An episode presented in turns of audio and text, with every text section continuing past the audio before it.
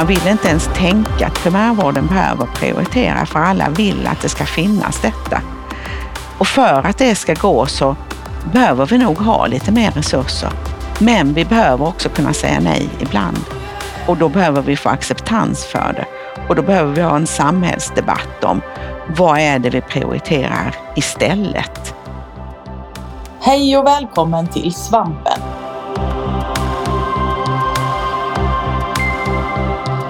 Vi är ST-rådet i Svensk förening för allmänmedicin, SVAM. Vi är ST-läkare och nyblivna specialister från hela Sverige och vi vill bidra till att föra allmänmedicinen framåt. I den här poddserien kommer vi att samtala med personer som på olika sätt brinner för att utveckla just sin del av hälso och sjukvården. De är alla eldsjälar och vi är intresserade av att få veta vad det är som driver dem och att lära oss av deras erfarenheter. Välkommen till Svampen!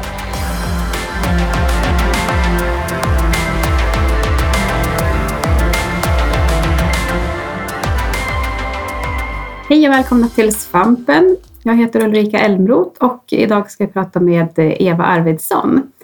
Eh, du är eh, allmänläkare och du har disputerat inom dagens ämne, prioriteringar i primärvård och jobbar som forskningsledare på Futurum i Jönköping. Varmt välkommen för andra gången. Tack så mycket.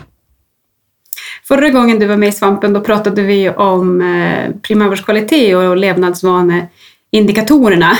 Eh, och det blev ju väldigt intressant men det känns inte som att det är där du har din, eller det är väl ett av dina specialområden naturligtvis inom kvalitetsarbete i primärvården. Men det här med prioriteringar är ju också väldigt, väldigt spännande. Så därför ville jag att du skulle komma tillbaka så vi får prata lite mer. Ja, det är jätteroligt. Prioriteringar ligger mig varmt om hjärtat. Ja, precis. Och vi brukar ju börja med den här frågan, vad brinner du för? Så vad brinner du för idag, Eva? Alltså jag brinner för att vi ska lyckas prioritera i vården. Jag tycker det skulle vara fantastiskt om vi kunde få till någon fungerande prioritering i primärvården, att de som får har störst behov får vård i första hand. Jag har jobbat med det här i jättemånga år och tänk om vi äntligen lyckades. Jag tror det skulle bli bättre både för patienter och personal. Det skulle bli roligare att jobba, det skulle fungera bättre. Ja, det låter ju fantastiskt.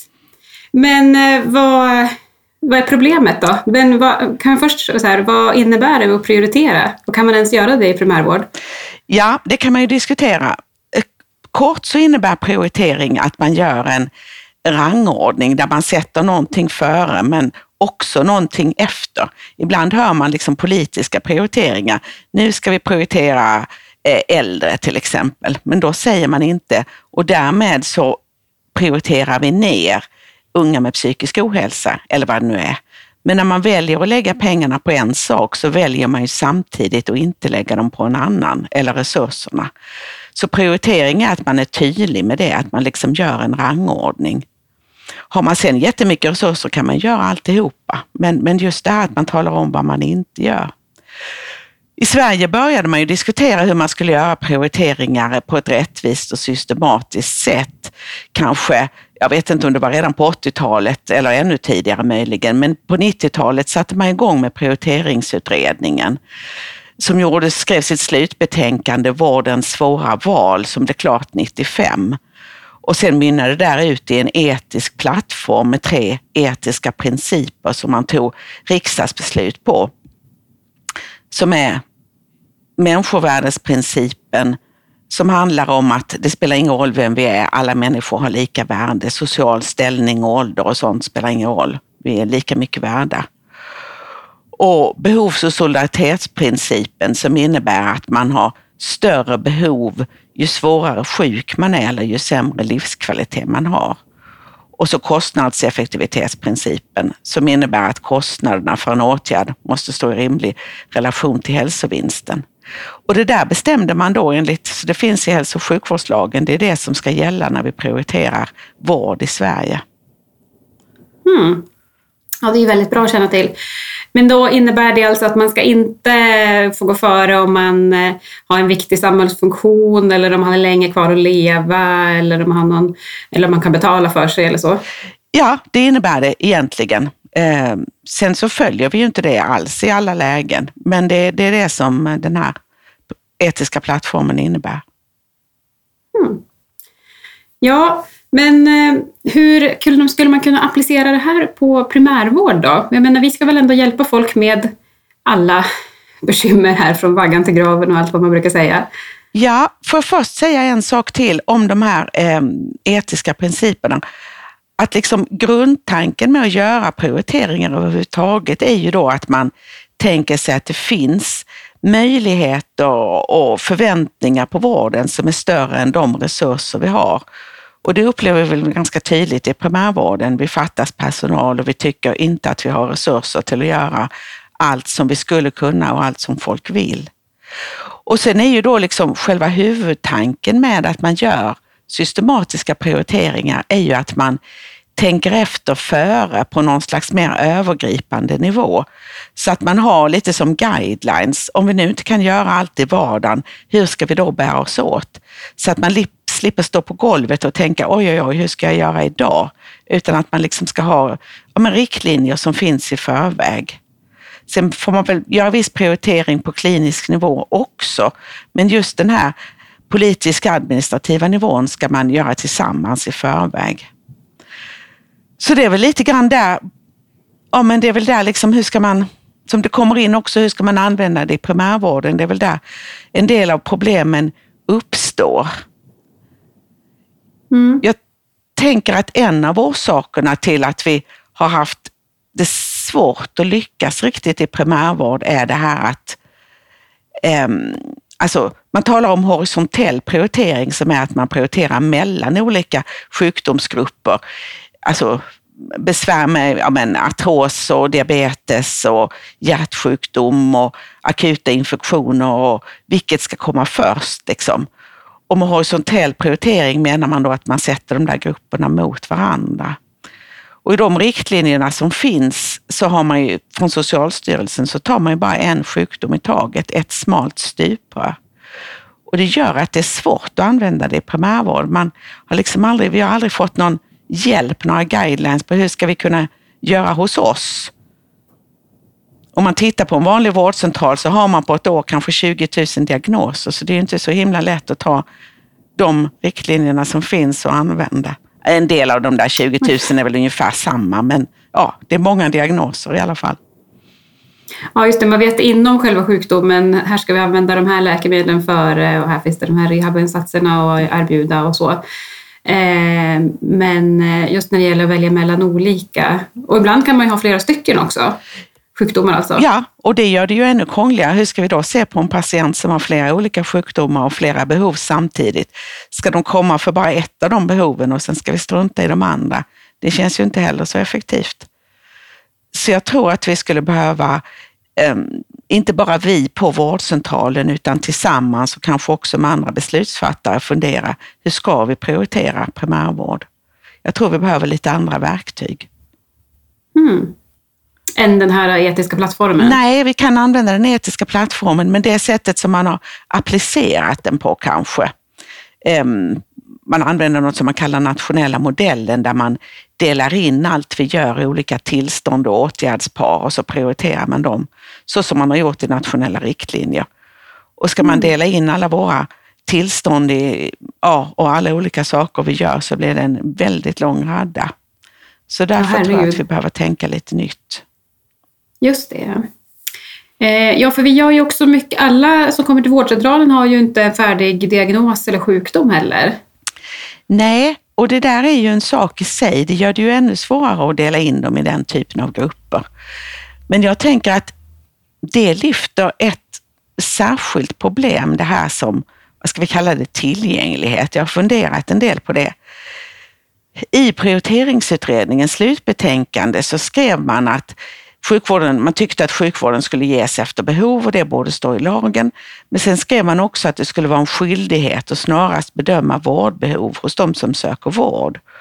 Och så är det ju. Det finns ju nu i ja, den senaste vårdgarantin från 2019 ska man ju få kontakt med primärvården direkt och man ska få bedömning av legitimerad personal inom tre dagar. Och det där har man liksom diskuterat. När vi började prata om prioriteringar så föreslog SVAM att man skulle bryta ut de här som är oklara, när man inte vet vad det är ännu och säga att ja, de kommer redan innan prioriteringsordningen. Och jag tror inte vi har löst det heller riktigt, utan ska vi ta alla de här först som behöver en bedömning? Ska man ha tillgänglighet och möjlighet för allting och få träffa läkare eller sjuksköterskor och bli bedömd? Eller ska vi även prioritera dem och säga att vissa av de här behöver inte komma? Jag tror inte vi har varit tydliga med det och vi står nog i primärvården liksom eh, mitt emellan där, där vi förväntas träffa alla de här eller prata med alla de här personerna. Och där vi förväntas prioritera de som, har, som är svårare sjuka och som har stora vårdbehov. Vi förväntas liksom göra både och. Och mm. styrningen som den är nu, den leder ju mycket mot det här med tillgänglighet och träffa alla. Och det är också där man lägger mycket resurser. Nu under pandemin till exempel, så under 2020 la man en miljard på att man skulle få lätt kontakt för ny sjukdom, alltså typ nätläkare. Och det kunde man ju valt att säga att nej, vi tar en miljard och satsar på äldreboende och kontakt där, men det gjorde man inte. Så det här med tillgänglighet, det är någonting som på något sätt finns högt upp fast man inte riktigt ändå tycker att det ska prioriteras.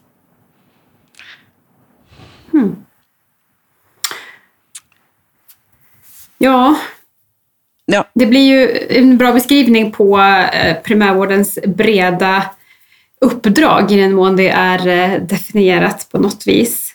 Ehm, men ehm, vi har ju även det här med, med rehabilitering och förebyggande. Hur kan man eh, stoppa in det då i prioriteringarna? Rehabilitering tror jag man kan stoppa in och tänka att det är en av, en av åtgärderna. Har man en viss sjukdom eller skada så behöver man en behandling och man behöver en rehabilitering. Och det tror jag går bra. Sen kanske vi inte alltid är bra på att lyfta fram prioritering, men jag tror det passar in. Men förebyggande arbete kan vara lite svårare.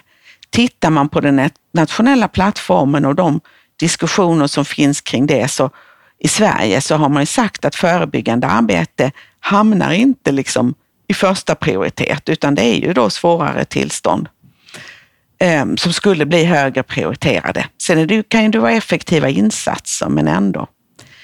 I Norge har man ju sett över sina prioriteringsriktlinjer flera gånger och där har man lyft fram prioriter eller vad heter det, förebyggande arbete och sagt då att till exempel att förebygga diabetes, det ska man betrakta som att tillståndet är lika svårt eller att svårighetsgraden är lika svår som om man verkligen hade diabetes.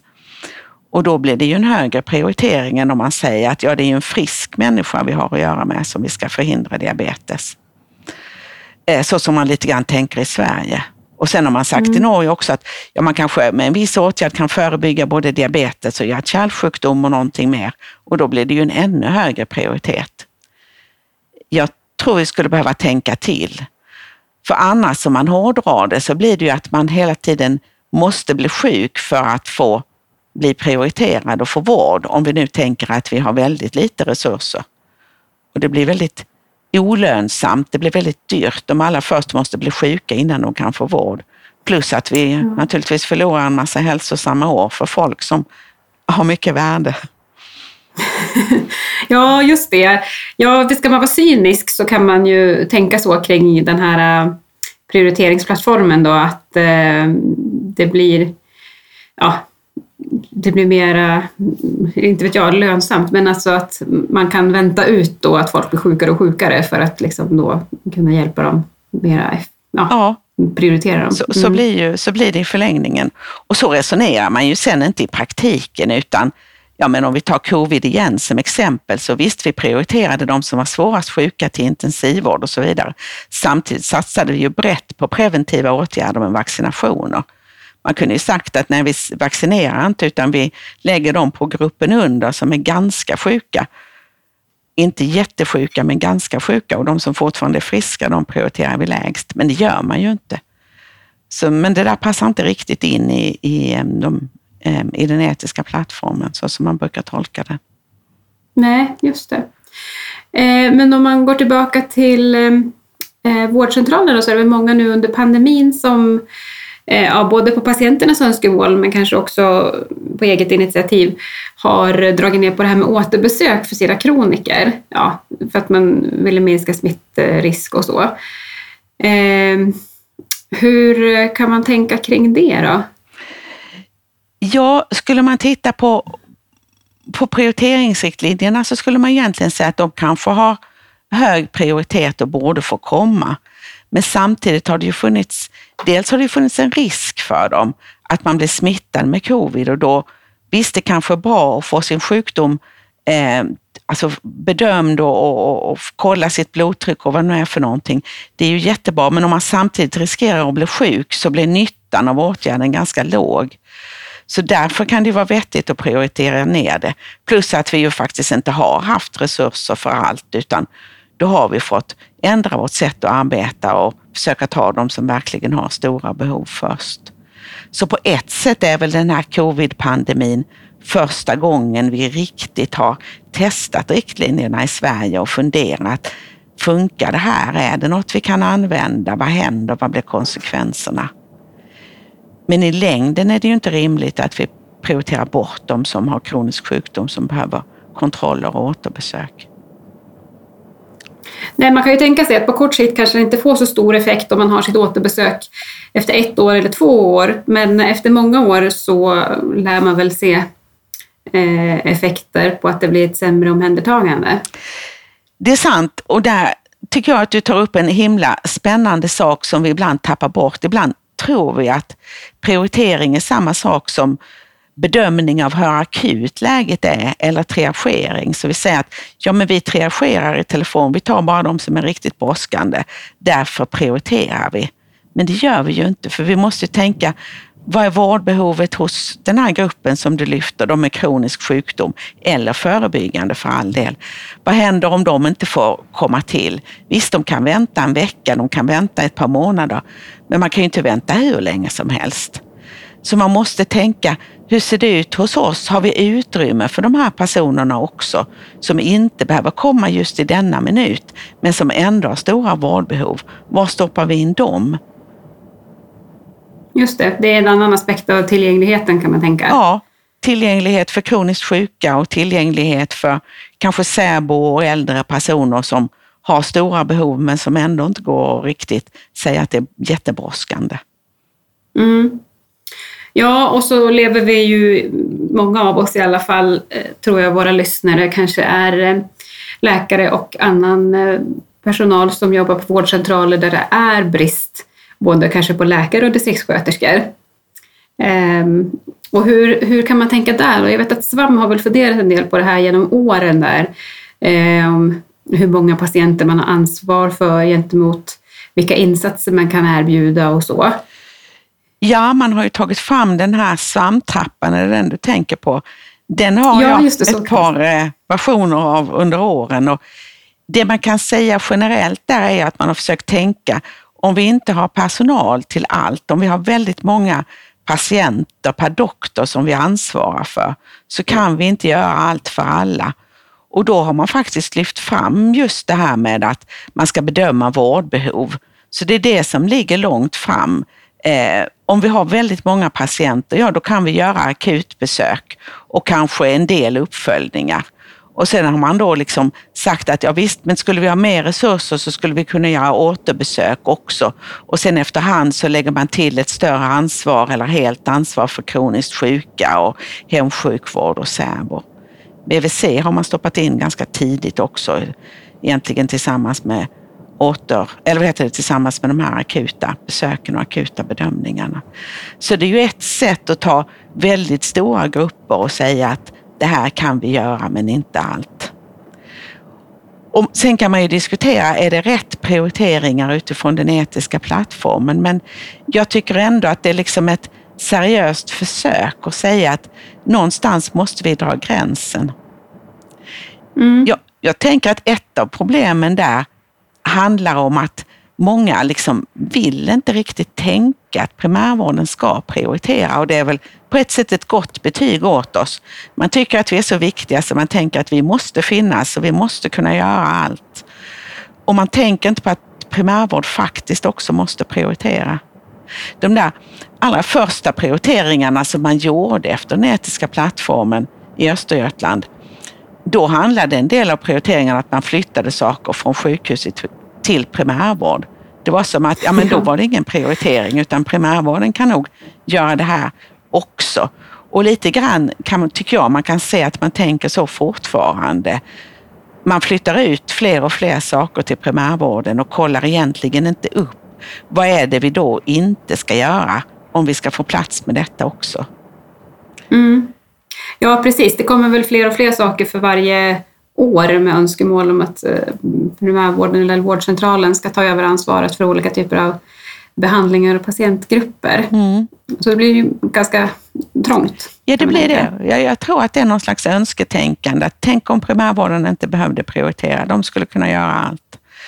Men, men man hamnar ju i en situation som, tänker jag, både är oerhört tung arbetsmässigt och också skapa någon slags etisk stress för personalen. För man känner ju att man inte kan göra ett bra jobb. Man måste ändå prioritera bort något. Och vilket det än är så är det inte bra.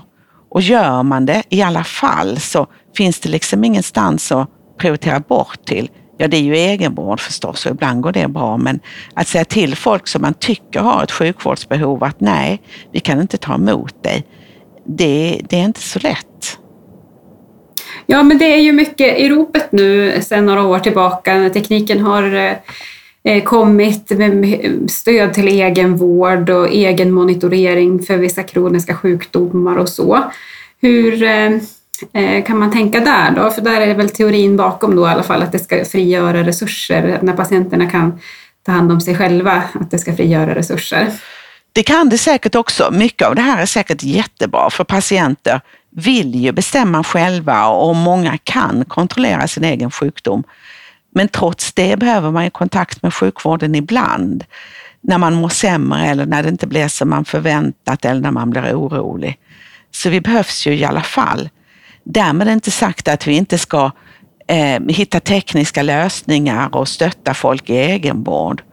Och jag tror att vi jobbar i nuläget jättemycket med förbättringar och kvalitetsutveckling av olika slag. Vi gjorde en studie med intervjuer i eh, ett par regioner i Sverige ganska nyligen. Den blev publicerad förra året. Och en sak som de lyfte fram när det gäller kvalitetsarbete, det handlade alltså om förutsättningar för kvalitetsarbete och hur man jobbar med kvalitetsarbete. En sak som alla lyfte fram, det var ju att man ville och kunde jobba med kvalitetsarbete, men man önskade hjälp med prioriteringar så att man fick, kunde skapa utrymme för förbättringar och utveckling av verksamheten. Man måste ändå prioritera. Och det var väl också det som var grunden till hela prioriteringsutredningen. Även då jobbade man ju med förbättringar eh, i hela världen, men man såg att ändå räcker inte resurserna till allt. Men man måste göra både och. Hmm. Ja, ja, det var ju lite bekymmersamt om det inte funkar någonstans i världen, höll jag på att säga. Men, inte det... utan prioriteringar, nej.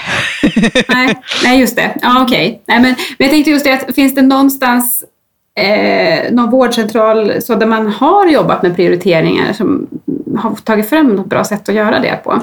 Alltså det finns ju absolut vårdcentraler som har provat. Det finns säkert jättemånga som jag inte känner till, men jag tänker på en som var väldigt tidigt ute precis när prioriteringsutredningen hade kommit eh, som man kunde läsa om i tidningarna, som var Sundets vårdcentral i Härnösand. Jag vet faktiskt inte om de fortfarande jobbar med prioriteringar eller om de finns kvar, men de hade gjort en prioriteringsordning och satt upp eh, i väntrummet så att patienterna kunde läsa. Och det är för övrigt en del av det man säger om prioriteringar, att man ska ha öppenhet. Man ska visa befolkning och patienter hur och varför man har gjort sina prioriteringar. Och de konstaterade att när folk kunde ta del av det här så kunde man ha förståelse för det också. Så det gick bra. Mm. På senare år, nu till exempel under covid, så har man ju gjort prioriteringar i Dalarna på Avestahälsan har vi sett ett exempel som eh, från en kollega, Mark Tchaikovsky och hans, hans kollegor där som har gjort prioriteringar och tittat på de här riktlinjerna för prioritering för covid och tagit fram hur kan vi prioritera hos oss? Vilka patienter och personalgrupper vilka personalgrupper ska jobba med vilka patientgrupper i första hand och vad kommer i andra hand och så vidare. Och jag tror att det finns många fler som har gjort så här. Och det hade varit spännande att samla in mer kring detta och se hur de har gjort och vad vi kan lära oss av det. Ja, verkligen. Superintressant. Eh, tanken är alltså att man ska göra en plan i förväg då, som är lätt att följa så att man inte behöver sitta med varje patient eh, och hitta på en eh, egen lösning. Precis. Sen kommer man ju ändå till individerna, alltså det som man tänker sig några andra medicinska guidelines. Man vet ungefär hur det ska vara, men sen sitter man med individen och måste ändå göra en speciell lösning för den individen. Och så är det med prioritering också det lyfter man också fram egentligen redan från början att det är en prioritering på klinisk nivå där man måste titta på individen och sen den här mer övergripande som man kan ha stöd av. Men finns den så gör, liksom, ja men det blir som någon slags ja, det säger ordet riktlinje. Man vet ungefär åt vilket håll man ska gå och då hamnar man mer rätt än om alla irrar omkring och ingen vet. Mm. Vi gjorde också en studie för många år sedan i samband med min avhandling där vi testade prioriteringar på ett par vårdcentraler och man pratade om de här etiska principerna och gjorde bedömningar i vardagen kring dem. Och då tyckte man att det sen gick mycket lättare att samarbeta efter det för man hade liksom tänkt kring det. Hur ska vi tänka? Vad är, vad är det för behov egentligen och vad betyder behov? Hur ska man tänka kring sjukdomens svårighetsgrad och nyttan av att komma hit och så vidare. Att man var lite van vid de här begreppen. Det hjälpte. Mm. Hade de också involverat hela, hela personalen då? Precis det var väl en av de viktiga sakerna, att man tänkte tillsammans, hela personalgruppen. Och då hamnade man ju inte i konflikter heller, utan om liksom varför har ni prioriterat de här och varför har ni bokat in de här och varför ska jag träffa de här? Utan man tänkte tillsammans. Kanske är det lite grann det man gör i de här prioriteringskonferenserna som man har på många vårdcentraler nu, där man går igenom vilka patienter behöver vi träffa och vilka kan stå tillbaka i dem kanske man skulle ta och kika lite på de etiska principerna och det kanske man gör också på många som inte jag vet om. Men tänka, eh, hur förhåller sig de prioriteringar vi ska göra till de här etiska principerna?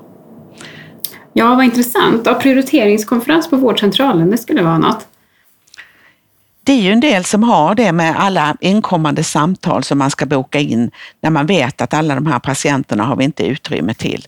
Då tänker man väl både medicinskt, praktiskt, vilka behöver komma och man kanske också då tänker ur ett prioriteringsperspektiv, vilka har större behov än de andra? Mm, just det. Eh, jag funderar också på, eh, men som allmänläkare kan man ju ofta ha ganska många olika roller och upp uppdrag i sin tjänst. Man kanske är, inte bara har liksom sin eh, lista och sitt, eh, sina patienter så, att man kanske är handledare, man kanske är på BVC, man kanske rondar något äldreboende och så.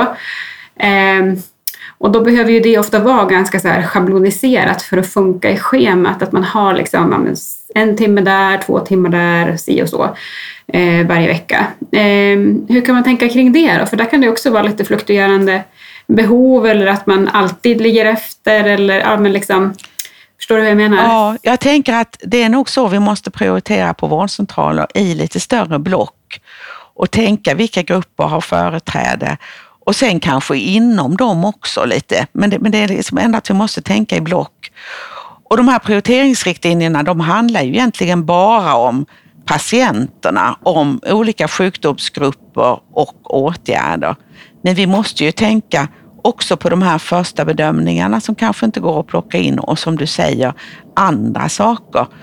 Hur är det med utveckling och forskning och kvalitetsarbete? Det ska ju också in fast det inte finns med i prioriterings, prioriteringsordningen så tydligt. I lagen har man ju lyft in forskning i primärvård nu. Så det är vi skyldiga att medverka kring. Och kvalitetsarbete finns också. Och jag tror att det är nödvändigt att vi tar oss tid för det för att vi ska kunna förbättra vår verksamhet.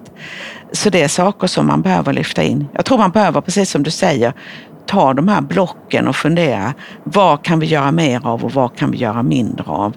Och vilka eh, är viktiga för att de liksom, ja, kommer verksamheten till godo och handlar om patienter med, med stora vårdbehov. Mm. Även sånt som, som du säger, undervisning och handledning är ju nödvändigt. Annars, det blir lite som det förebyggande arbetet. Om vi inte utbildar nya kollegor så blir det ju ännu värre i framtiden. Så det ja. är jätteviktigt att vi kan eh, lyfta in det. Mm. Mm. Vad finns det fler för aspekter kring det här med prioriteringar?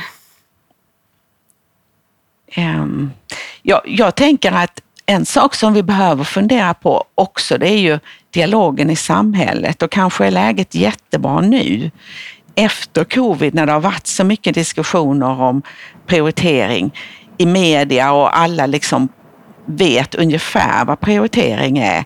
Även om det inte har varit sådana här diskussioner kanske så har man ändå förstått att vi kan inte göra allt. Några kommer först och det innebär indirekt att några andra kommer på andra plats.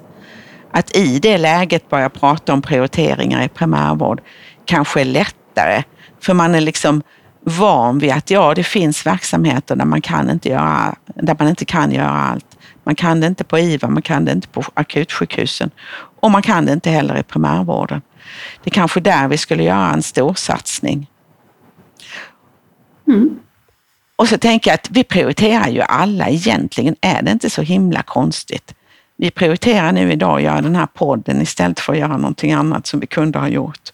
Om man tydliggör det här andra som man kunde gjort så då har man gjort en prioritering. Och sen gör vi vardagsprioritering. Vi köper något extra gott och då köper vi inte allt det extra goda utan en sak. Vi kanske köper en ny jacka och då får vi spara lite pengar och går inte ut och äter samma vecka. Ja, men, hur man nu har det med sin mm. budget, men den typen av prioriteringar gör ju alla. Ja, just det. Ja, det blir ju ett vardagsnära eh, liknelse. Ja, som jag tror att ändå alla kan ha förståelse för. Mm. Just nu när det är på ropet. Mm. Och jag tror också att det är en grund för att vi ska lyckas med nära vårdreformen, att vi ska kunna skapa en rimlig arbetsmiljö. Ja, om man tänker då att eh, dels att man vill locka fler att eh, jobba i primärvården och att primärvården på riktigt ska kunna ta eh, rollen som eh, det här navet i sjukvårdssystemet som man pratar om. Mm. Sen funderar jag på en sak till och deras resurser. Man säger ju att ja, alltså hur mycket resurser man än stoppar in, som jag sa i början då, så räcker det inte, utan vi kommer alltid att liksom ha en snabbare utveckling av nya innovationer och, och efterfrågan kanske. Men det är ju ändå så att man måste ha en rimlig proportion mellan uppdrag och resurser och det lyfte man faktiskt också fram i prioriteringsutredningen där man sa att det måste vara rimliga förutsättningar för den kliniska verksamheten. Och jag tror att det är viktigt att det, alltså den delen av primärvården är viktig. Vi behöver nog mer resurser om folk ska slippa se så mycket prioriteringar som man nu inte vill, utan vi ska kunna vara både tillgängliga och, och ta hand om, om eh, flera, många olika sjukdomsgrupper och säga nej så lite som möjligt. Mm. Ja, för hur man än vänder och vrider så det är klart att för att samhället ska fungera så behöver man ju även ha liksom någon sorts eh, service så att småbarnsföräldrar kan gå till jobbet eh, så att eh, ja, folk som arbetar överhuvudtaget inte behöver vara sjukskrivna orimligt länge eller ja, sådana saker. Eh, så även om det är saker som man kanske helst inte skulle vilja prioritera kan man ändå behöva tänka in den här samhällsfunktionen ändå. Eh, eller jag vet inte, jag tänker att ibland så får man tänka så på vårdcentralen. Eller hur, hur, hur, kan, Kan du ha något ja, jag, stöd till det? Jag håller med dig. Det är liksom en del av vårt samhällskontrakt att man ska kunna komma för att man är orolig för någon liten sak som någon enstaka gång är något allvarligt men som man ofta kanske bara behöver prata om och få lugnande besked kring. Och man behöver komma när barnen är sjuka. Man behöver kunna ja, i olika sammanhang få hjälp. Så vi behöver kunna ha den här öppna dörren. Och det är väl därför som det här som jag sa innan, man vill inte ens tänka att primärvården behöver prioritera, för alla vill att det ska finnas detta. Och för att det ska gå så behöver vi nog ha lite mer resurser, faktiskt. Mm. Men vi behöver också kunna säga nej ibland. Och då behöver vi få acceptans för det. Och då behöver vi ha en samhällsdebatt om vad är det vi prioriterar istället för detta. Och kanske då att man också behöver inte bara tänka att nu vi sätter den ena patientgruppen mot den andra, utan också ibland dyra IT-lösningar som man kan fundera på om vi verkligen behöver allt eller administrativa åtgärder som vi tror jag allihopa känner att vi behöver göra mer och mer av och faktiskt man också mäter att vi ägnar mer och mer tid åt. Behövs allt detta? Kan man ta bort en del sånt och få loss både resurser kanske och få loss tid? Så att man tar med det också när man ser över de här, liksom sitt schema eller vad man ska säga, de här blocken i hur vi jobbar och den totala resurserna i vården. Ja, precis. Ja, det var ju en väldigt viktig aspekt. Men apropå det då, eh, byta eh, tid och, och tjänster mot andra insatser, så har det väl kommit också när man pratar om nya läkemedel som kostar mycket och man har då kostnadsansvaret på vårdcentralen, att ibland kan det bli så att man får avskeda någon eller kanske inte ersätta någon som går i pension och så. Just för att man har fått så stora kostnader på till exempel läkemedelssidan. Ja, det är ju en del av realiteten nu att vi har inga bra riktlinjer för prioritering på vårdcentralen, men vi har ett ekonomiskt system där vi har en stark begränsning. Man har inte mer än den pengen man har och man kan inte gå över sin budget. Så det gör ju att skriver vi ut ett dyrt läkemedel, då räcker inte pengarna. Då får vi avskeda personal. Så någonstans är ju det en prioritering i vardagen som vi gör. Vi väljer, ska vi skriva ut läkemedlet eller ska vi behålla personalen så de kan ta hand om, om andra? Vi hade ett exempel från en vårdcentral där man hade ett rätt så nytt diabetesläkemedel som man ändå upplevde att en del patienter hade nytta av. Och då var det så att om man skrev ut det till 25 patienter så hade diabetessköterskan egentligen, det var hela hennes lön. Så 25 patienter med det här läkemedlet eller en diabetessköterska. Det är ju en, en, en ganska absurd verklighet som jag tror att många faktiskt inte vet att primärvården befinner sig i. Det är inte alla vårdcentraler eller i alla regioner man har läkemedelsansvaret, men i många har man det och också ansvar för undersökningar och prover som man beställer. Och då blir det ju så att beställer man en undersökning för en patient, ja, gör man det flera gånger så räcker det inte till annat. Då får man kanske avstå från läkemedel eller avstå från personal. Så därför tycker jag egentligen att det är akut att vi tillsammans med eh, ja, men, ska man säga, den politiska administrativa nivån i, i regionerna och också nationellt ser över hur ser det ut med prioriteringar i primärvården? Det här är faktiskt verkligheten för folk. Mm. Ja, för man kan ju tycka att det är väl annars politikernas uppdrag att göra de här eh, prioriteringarna. Men om det inte tas fullt ut så trycks det liksom ut till de enskilda vårdpersonalen att göra det för varje möte. Exakt det är ju just därför man skulle vilja ha de här liksom, guidelinesen, gemensamma grova överenskommelserna, så här ska vi ha det. Så att det hamnar så lite som möjligt i knät på vårdpersonalen. Och nu när man inte alls pratar om det utan bara tar fram riktlinjer för enstaka sjukdomar där man kanske oftast egentligen lyfter ut saker som har ganska dålig evidens eller är ineffektiva som är rätt så svåra, eller väldigt svåra att använda i primärvård, då har vi ju inte den hjälpen. Så då, då, blir det att det är vi som sitter med besluten. Och sen har vi då som sagt det här ekonomiska systemet som skapar en stark gräns där vi måste prioritera och som egentligen tycker jag skapar ett problem till och det är det här med ja, men, behov och efterfrågan. Det lyfter man ju fram från Riksrevisionen eh, för några år sedan, eller det var, det var 2014 som man lyfte fram det. Då tittade man ju på vad konsekvenserna av vårdvalet var. Riksrevisionen är ju de som granskar beslut av regering och riksdag, att de liksom fungerar i praktiken. Och man menar då att man har skapat ett problem för primärvården där man ska ha både behovsstyrning och efterfrågestyrning. Och det gör att det är jättesvårt att i praktiken följa vård efter behov eftersom man samtidigt ska konkurrera med varandra om patienterna.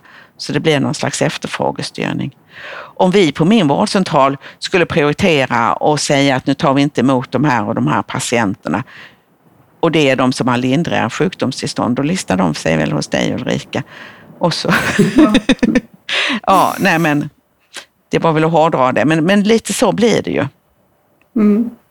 Ja, precis. Men samtidigt så går det väl inte att backa heller från det här eh, valfrihetssystemet eh, när man väl har infört det. Men finns det någon smart eh, lösning på hur man skulle kunna eh, göra istället då? Nej, jag återkommer ju till det här att ta fram gemensamma guidelines och ha det som en del av liksom med någon slags offentlig regelbok eller vad man ska säga. Det här är det som gäller. De här tillstånden mm. eller de här åtgärderna, det, det gör vi inte i, i primärvården och det gör vi inte någonstans egentligen. Och sen får man ju då se över vad är det vi kan ta bort. Och skulle man tycka att nej, det finns faktiskt ingenting vi kan ta bort från primärvården, vi måste ha öppet för alla typer av första bedömningar så att säga, alla som har oklara besvär, alla som eh, behöver komma och vi behöver ta emot alla kroniskt sjuka och göra uppföljningar och vi behöver ha högsta prioritet på för äldre i särskilda boenden och hemsjukvård. Ja, då behöver man ju vara fler. Egentligen är det ju inte så svårt. Det är ju, om vi nu har ungefär hälften av alla allmänläkare vi skulle behöva, det är väl lite som att säga att ja, men nu har vi hälften av alla lärare vi behöver. Då kan vi inte, om man säger ja, ni måste ändå undervisa alla barn, ja, då måste ju kvaliteten bli sämre på något sätt. Mm. Nu tycker jag att man, man ställer primärvården i en ganska svår situation. Man säger att ni måste ta emot alla nya. Får jag ta en konstig liknelse till så tänkte jag att det är lite som att man skulle sätta någon och ta emot folk och kolla att de har biljett. Ni måste kolla att alla har biljett. Ställ er här i, i entrén och kolla att alla har biljett. Men ni måste också vara inne bland de som redan har kommit in och, och, och se till att de har det bra och att de får valuta nu för sitt biljettpris. Och ja, men då måste vi ju lämna entrén här, då kan vi inte kolla biljetter längre. Nej, ni måste göra både och.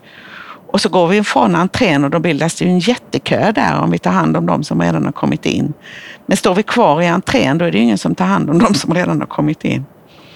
Eller mm. så får vi vara fler personer. Några som gör det ena, några som gör det andra. Mm. Ja, det återkommer oftast till det, eh, att vi skulle behöva vara fler eh, som jobbar på våra vårdcentraler. Eh, och apropå det då, eh, det är väl också en sorts prioritering var det finns tjänster, var man till exempel tillsätter tjänster, eh, andra utbildningsplatser och, och så. Ehm, eh, ingår det i några prioriteringsriktlinjer? Nej, sånt ingår ju inte egentligen, utan de här nationella riktlinjerna och det som står i lagen, det handlar ju om, om patienter, om olika sjukdomstillstånd deras svårighetsgrad, hur dåligt man mår, vilken livskvalitet man har, vilken risk det är för att man blir sjuk i framtiden. Och sen vilken nytta man har av olika åtgärder på de här sakerna. Och sen handlar det då om alla människors lika värde förstås. Kostnadseffektivitet, det är de här etiska principerna. Men andra saker finns egentligen inte med. Men ja, som jag sa nyss så tror jag att vi behöver tänka på det också. Vi behöver lyfta in det tydligt. För det är ju viktigt, utbildning är viktigt. Och det är väl också viktigt att de som gör ST hamnar på en vårdcentral där man har möjlighet till utbildning och stöd och där det fungerar ganska bra. så att man kan liksom växa in i rollen som allmänläkare och känna att man kan göra en bra insats och få stöd på vägen. Ehm, det är ju en, ja, om man ska komma in på det så är ju det lite grann av en konflikt i sig. Ska man ha gröna öar eller ska man göra allt lika för alla? det är väl också något som vi inte har löst riktigt. Skulle man titta på prioriteringsordningen skulle man väl säga att vi ska inte ha gröna öar där vissa patienter får bättre vård. För vi ska ha en jämlik vård och det ska vara rättvist för alla. Då är det inte rätt att vissa patienter som går på vissa vårdcentraler har tillgång till mycket mer än de som går på en vårdcentral där det inte finns nästan någon personal till exempel. Ehm, samtidigt så har man ju sagt att det är det enda sättet att bygga ut och få det att fungera och lära upp nya och få de som redan finns att trivas. Så där är också ett dilemma hur man ska få till det. Hur man kan ha jämlik vård samtidigt. Ja, är det någon sorts förhoppning då att de här öarna ska bli fler och fler och sen växa ihop till en eh, grön kontinent? Eller? Det är klart att det är det som är drömmen. Det är ju så man vill ha det.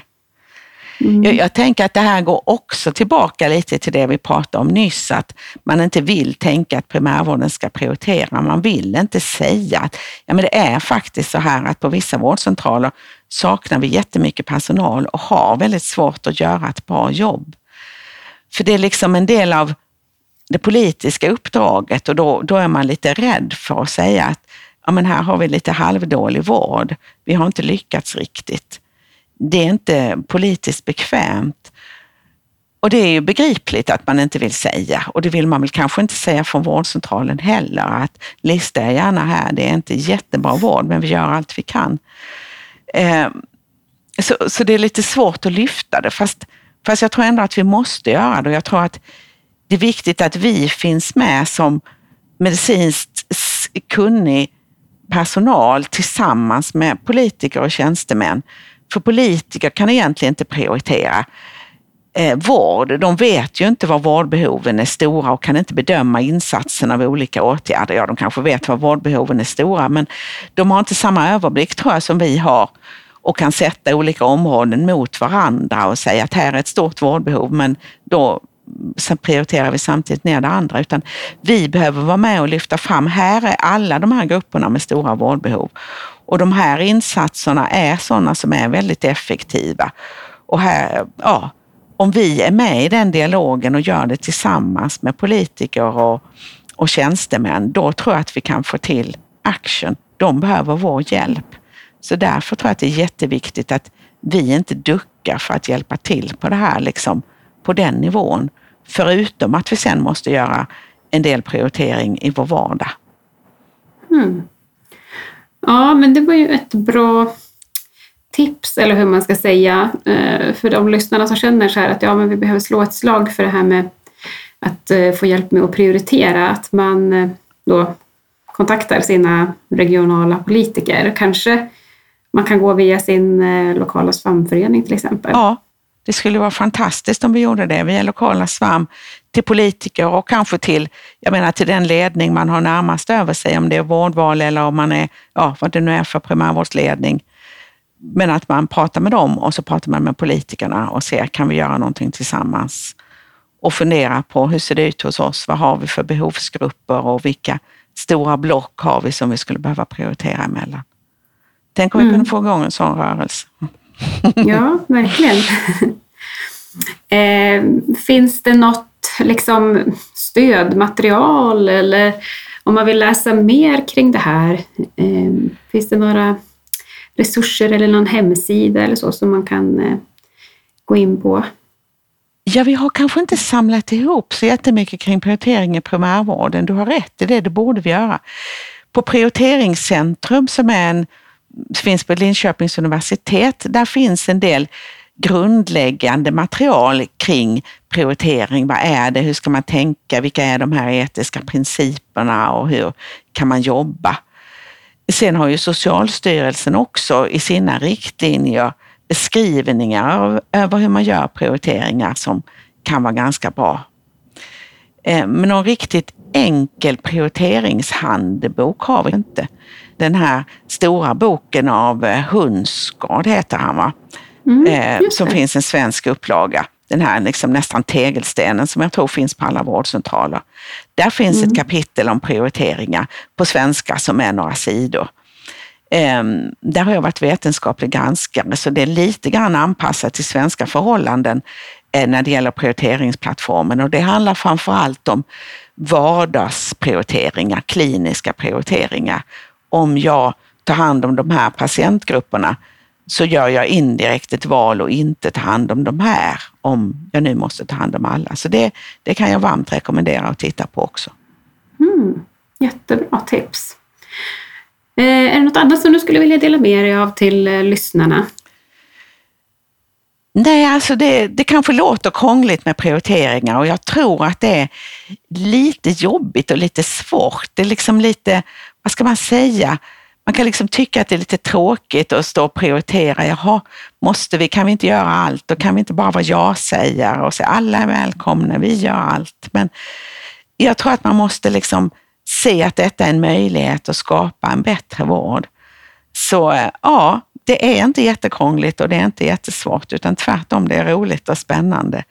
Försök och är det någon som börjar och gör något så får ni jättegärna höra av er till mig. Jag är med och diskuterar om ni skulle vilja det. Och det finns som sagt vårdcentraler som har försökt och börjat som man kan prata vidare med också. Så gör ett försök, det är mitt råd. Jag tror att vi kommer att vinna på det i längden om vi kommer framåt. Ja, fantastiskt kul. Det vore ju otroligt roligt om eh, det här avsnittet mm. kunde inspirera några att eh, tänka vidare kring sina prioriteringar. Eh, men då får vi säga tusen tack till dig Eva Arvidsson för eh, dina kloka reflektioner kring prioriteringar idag. Tack så jättemycket.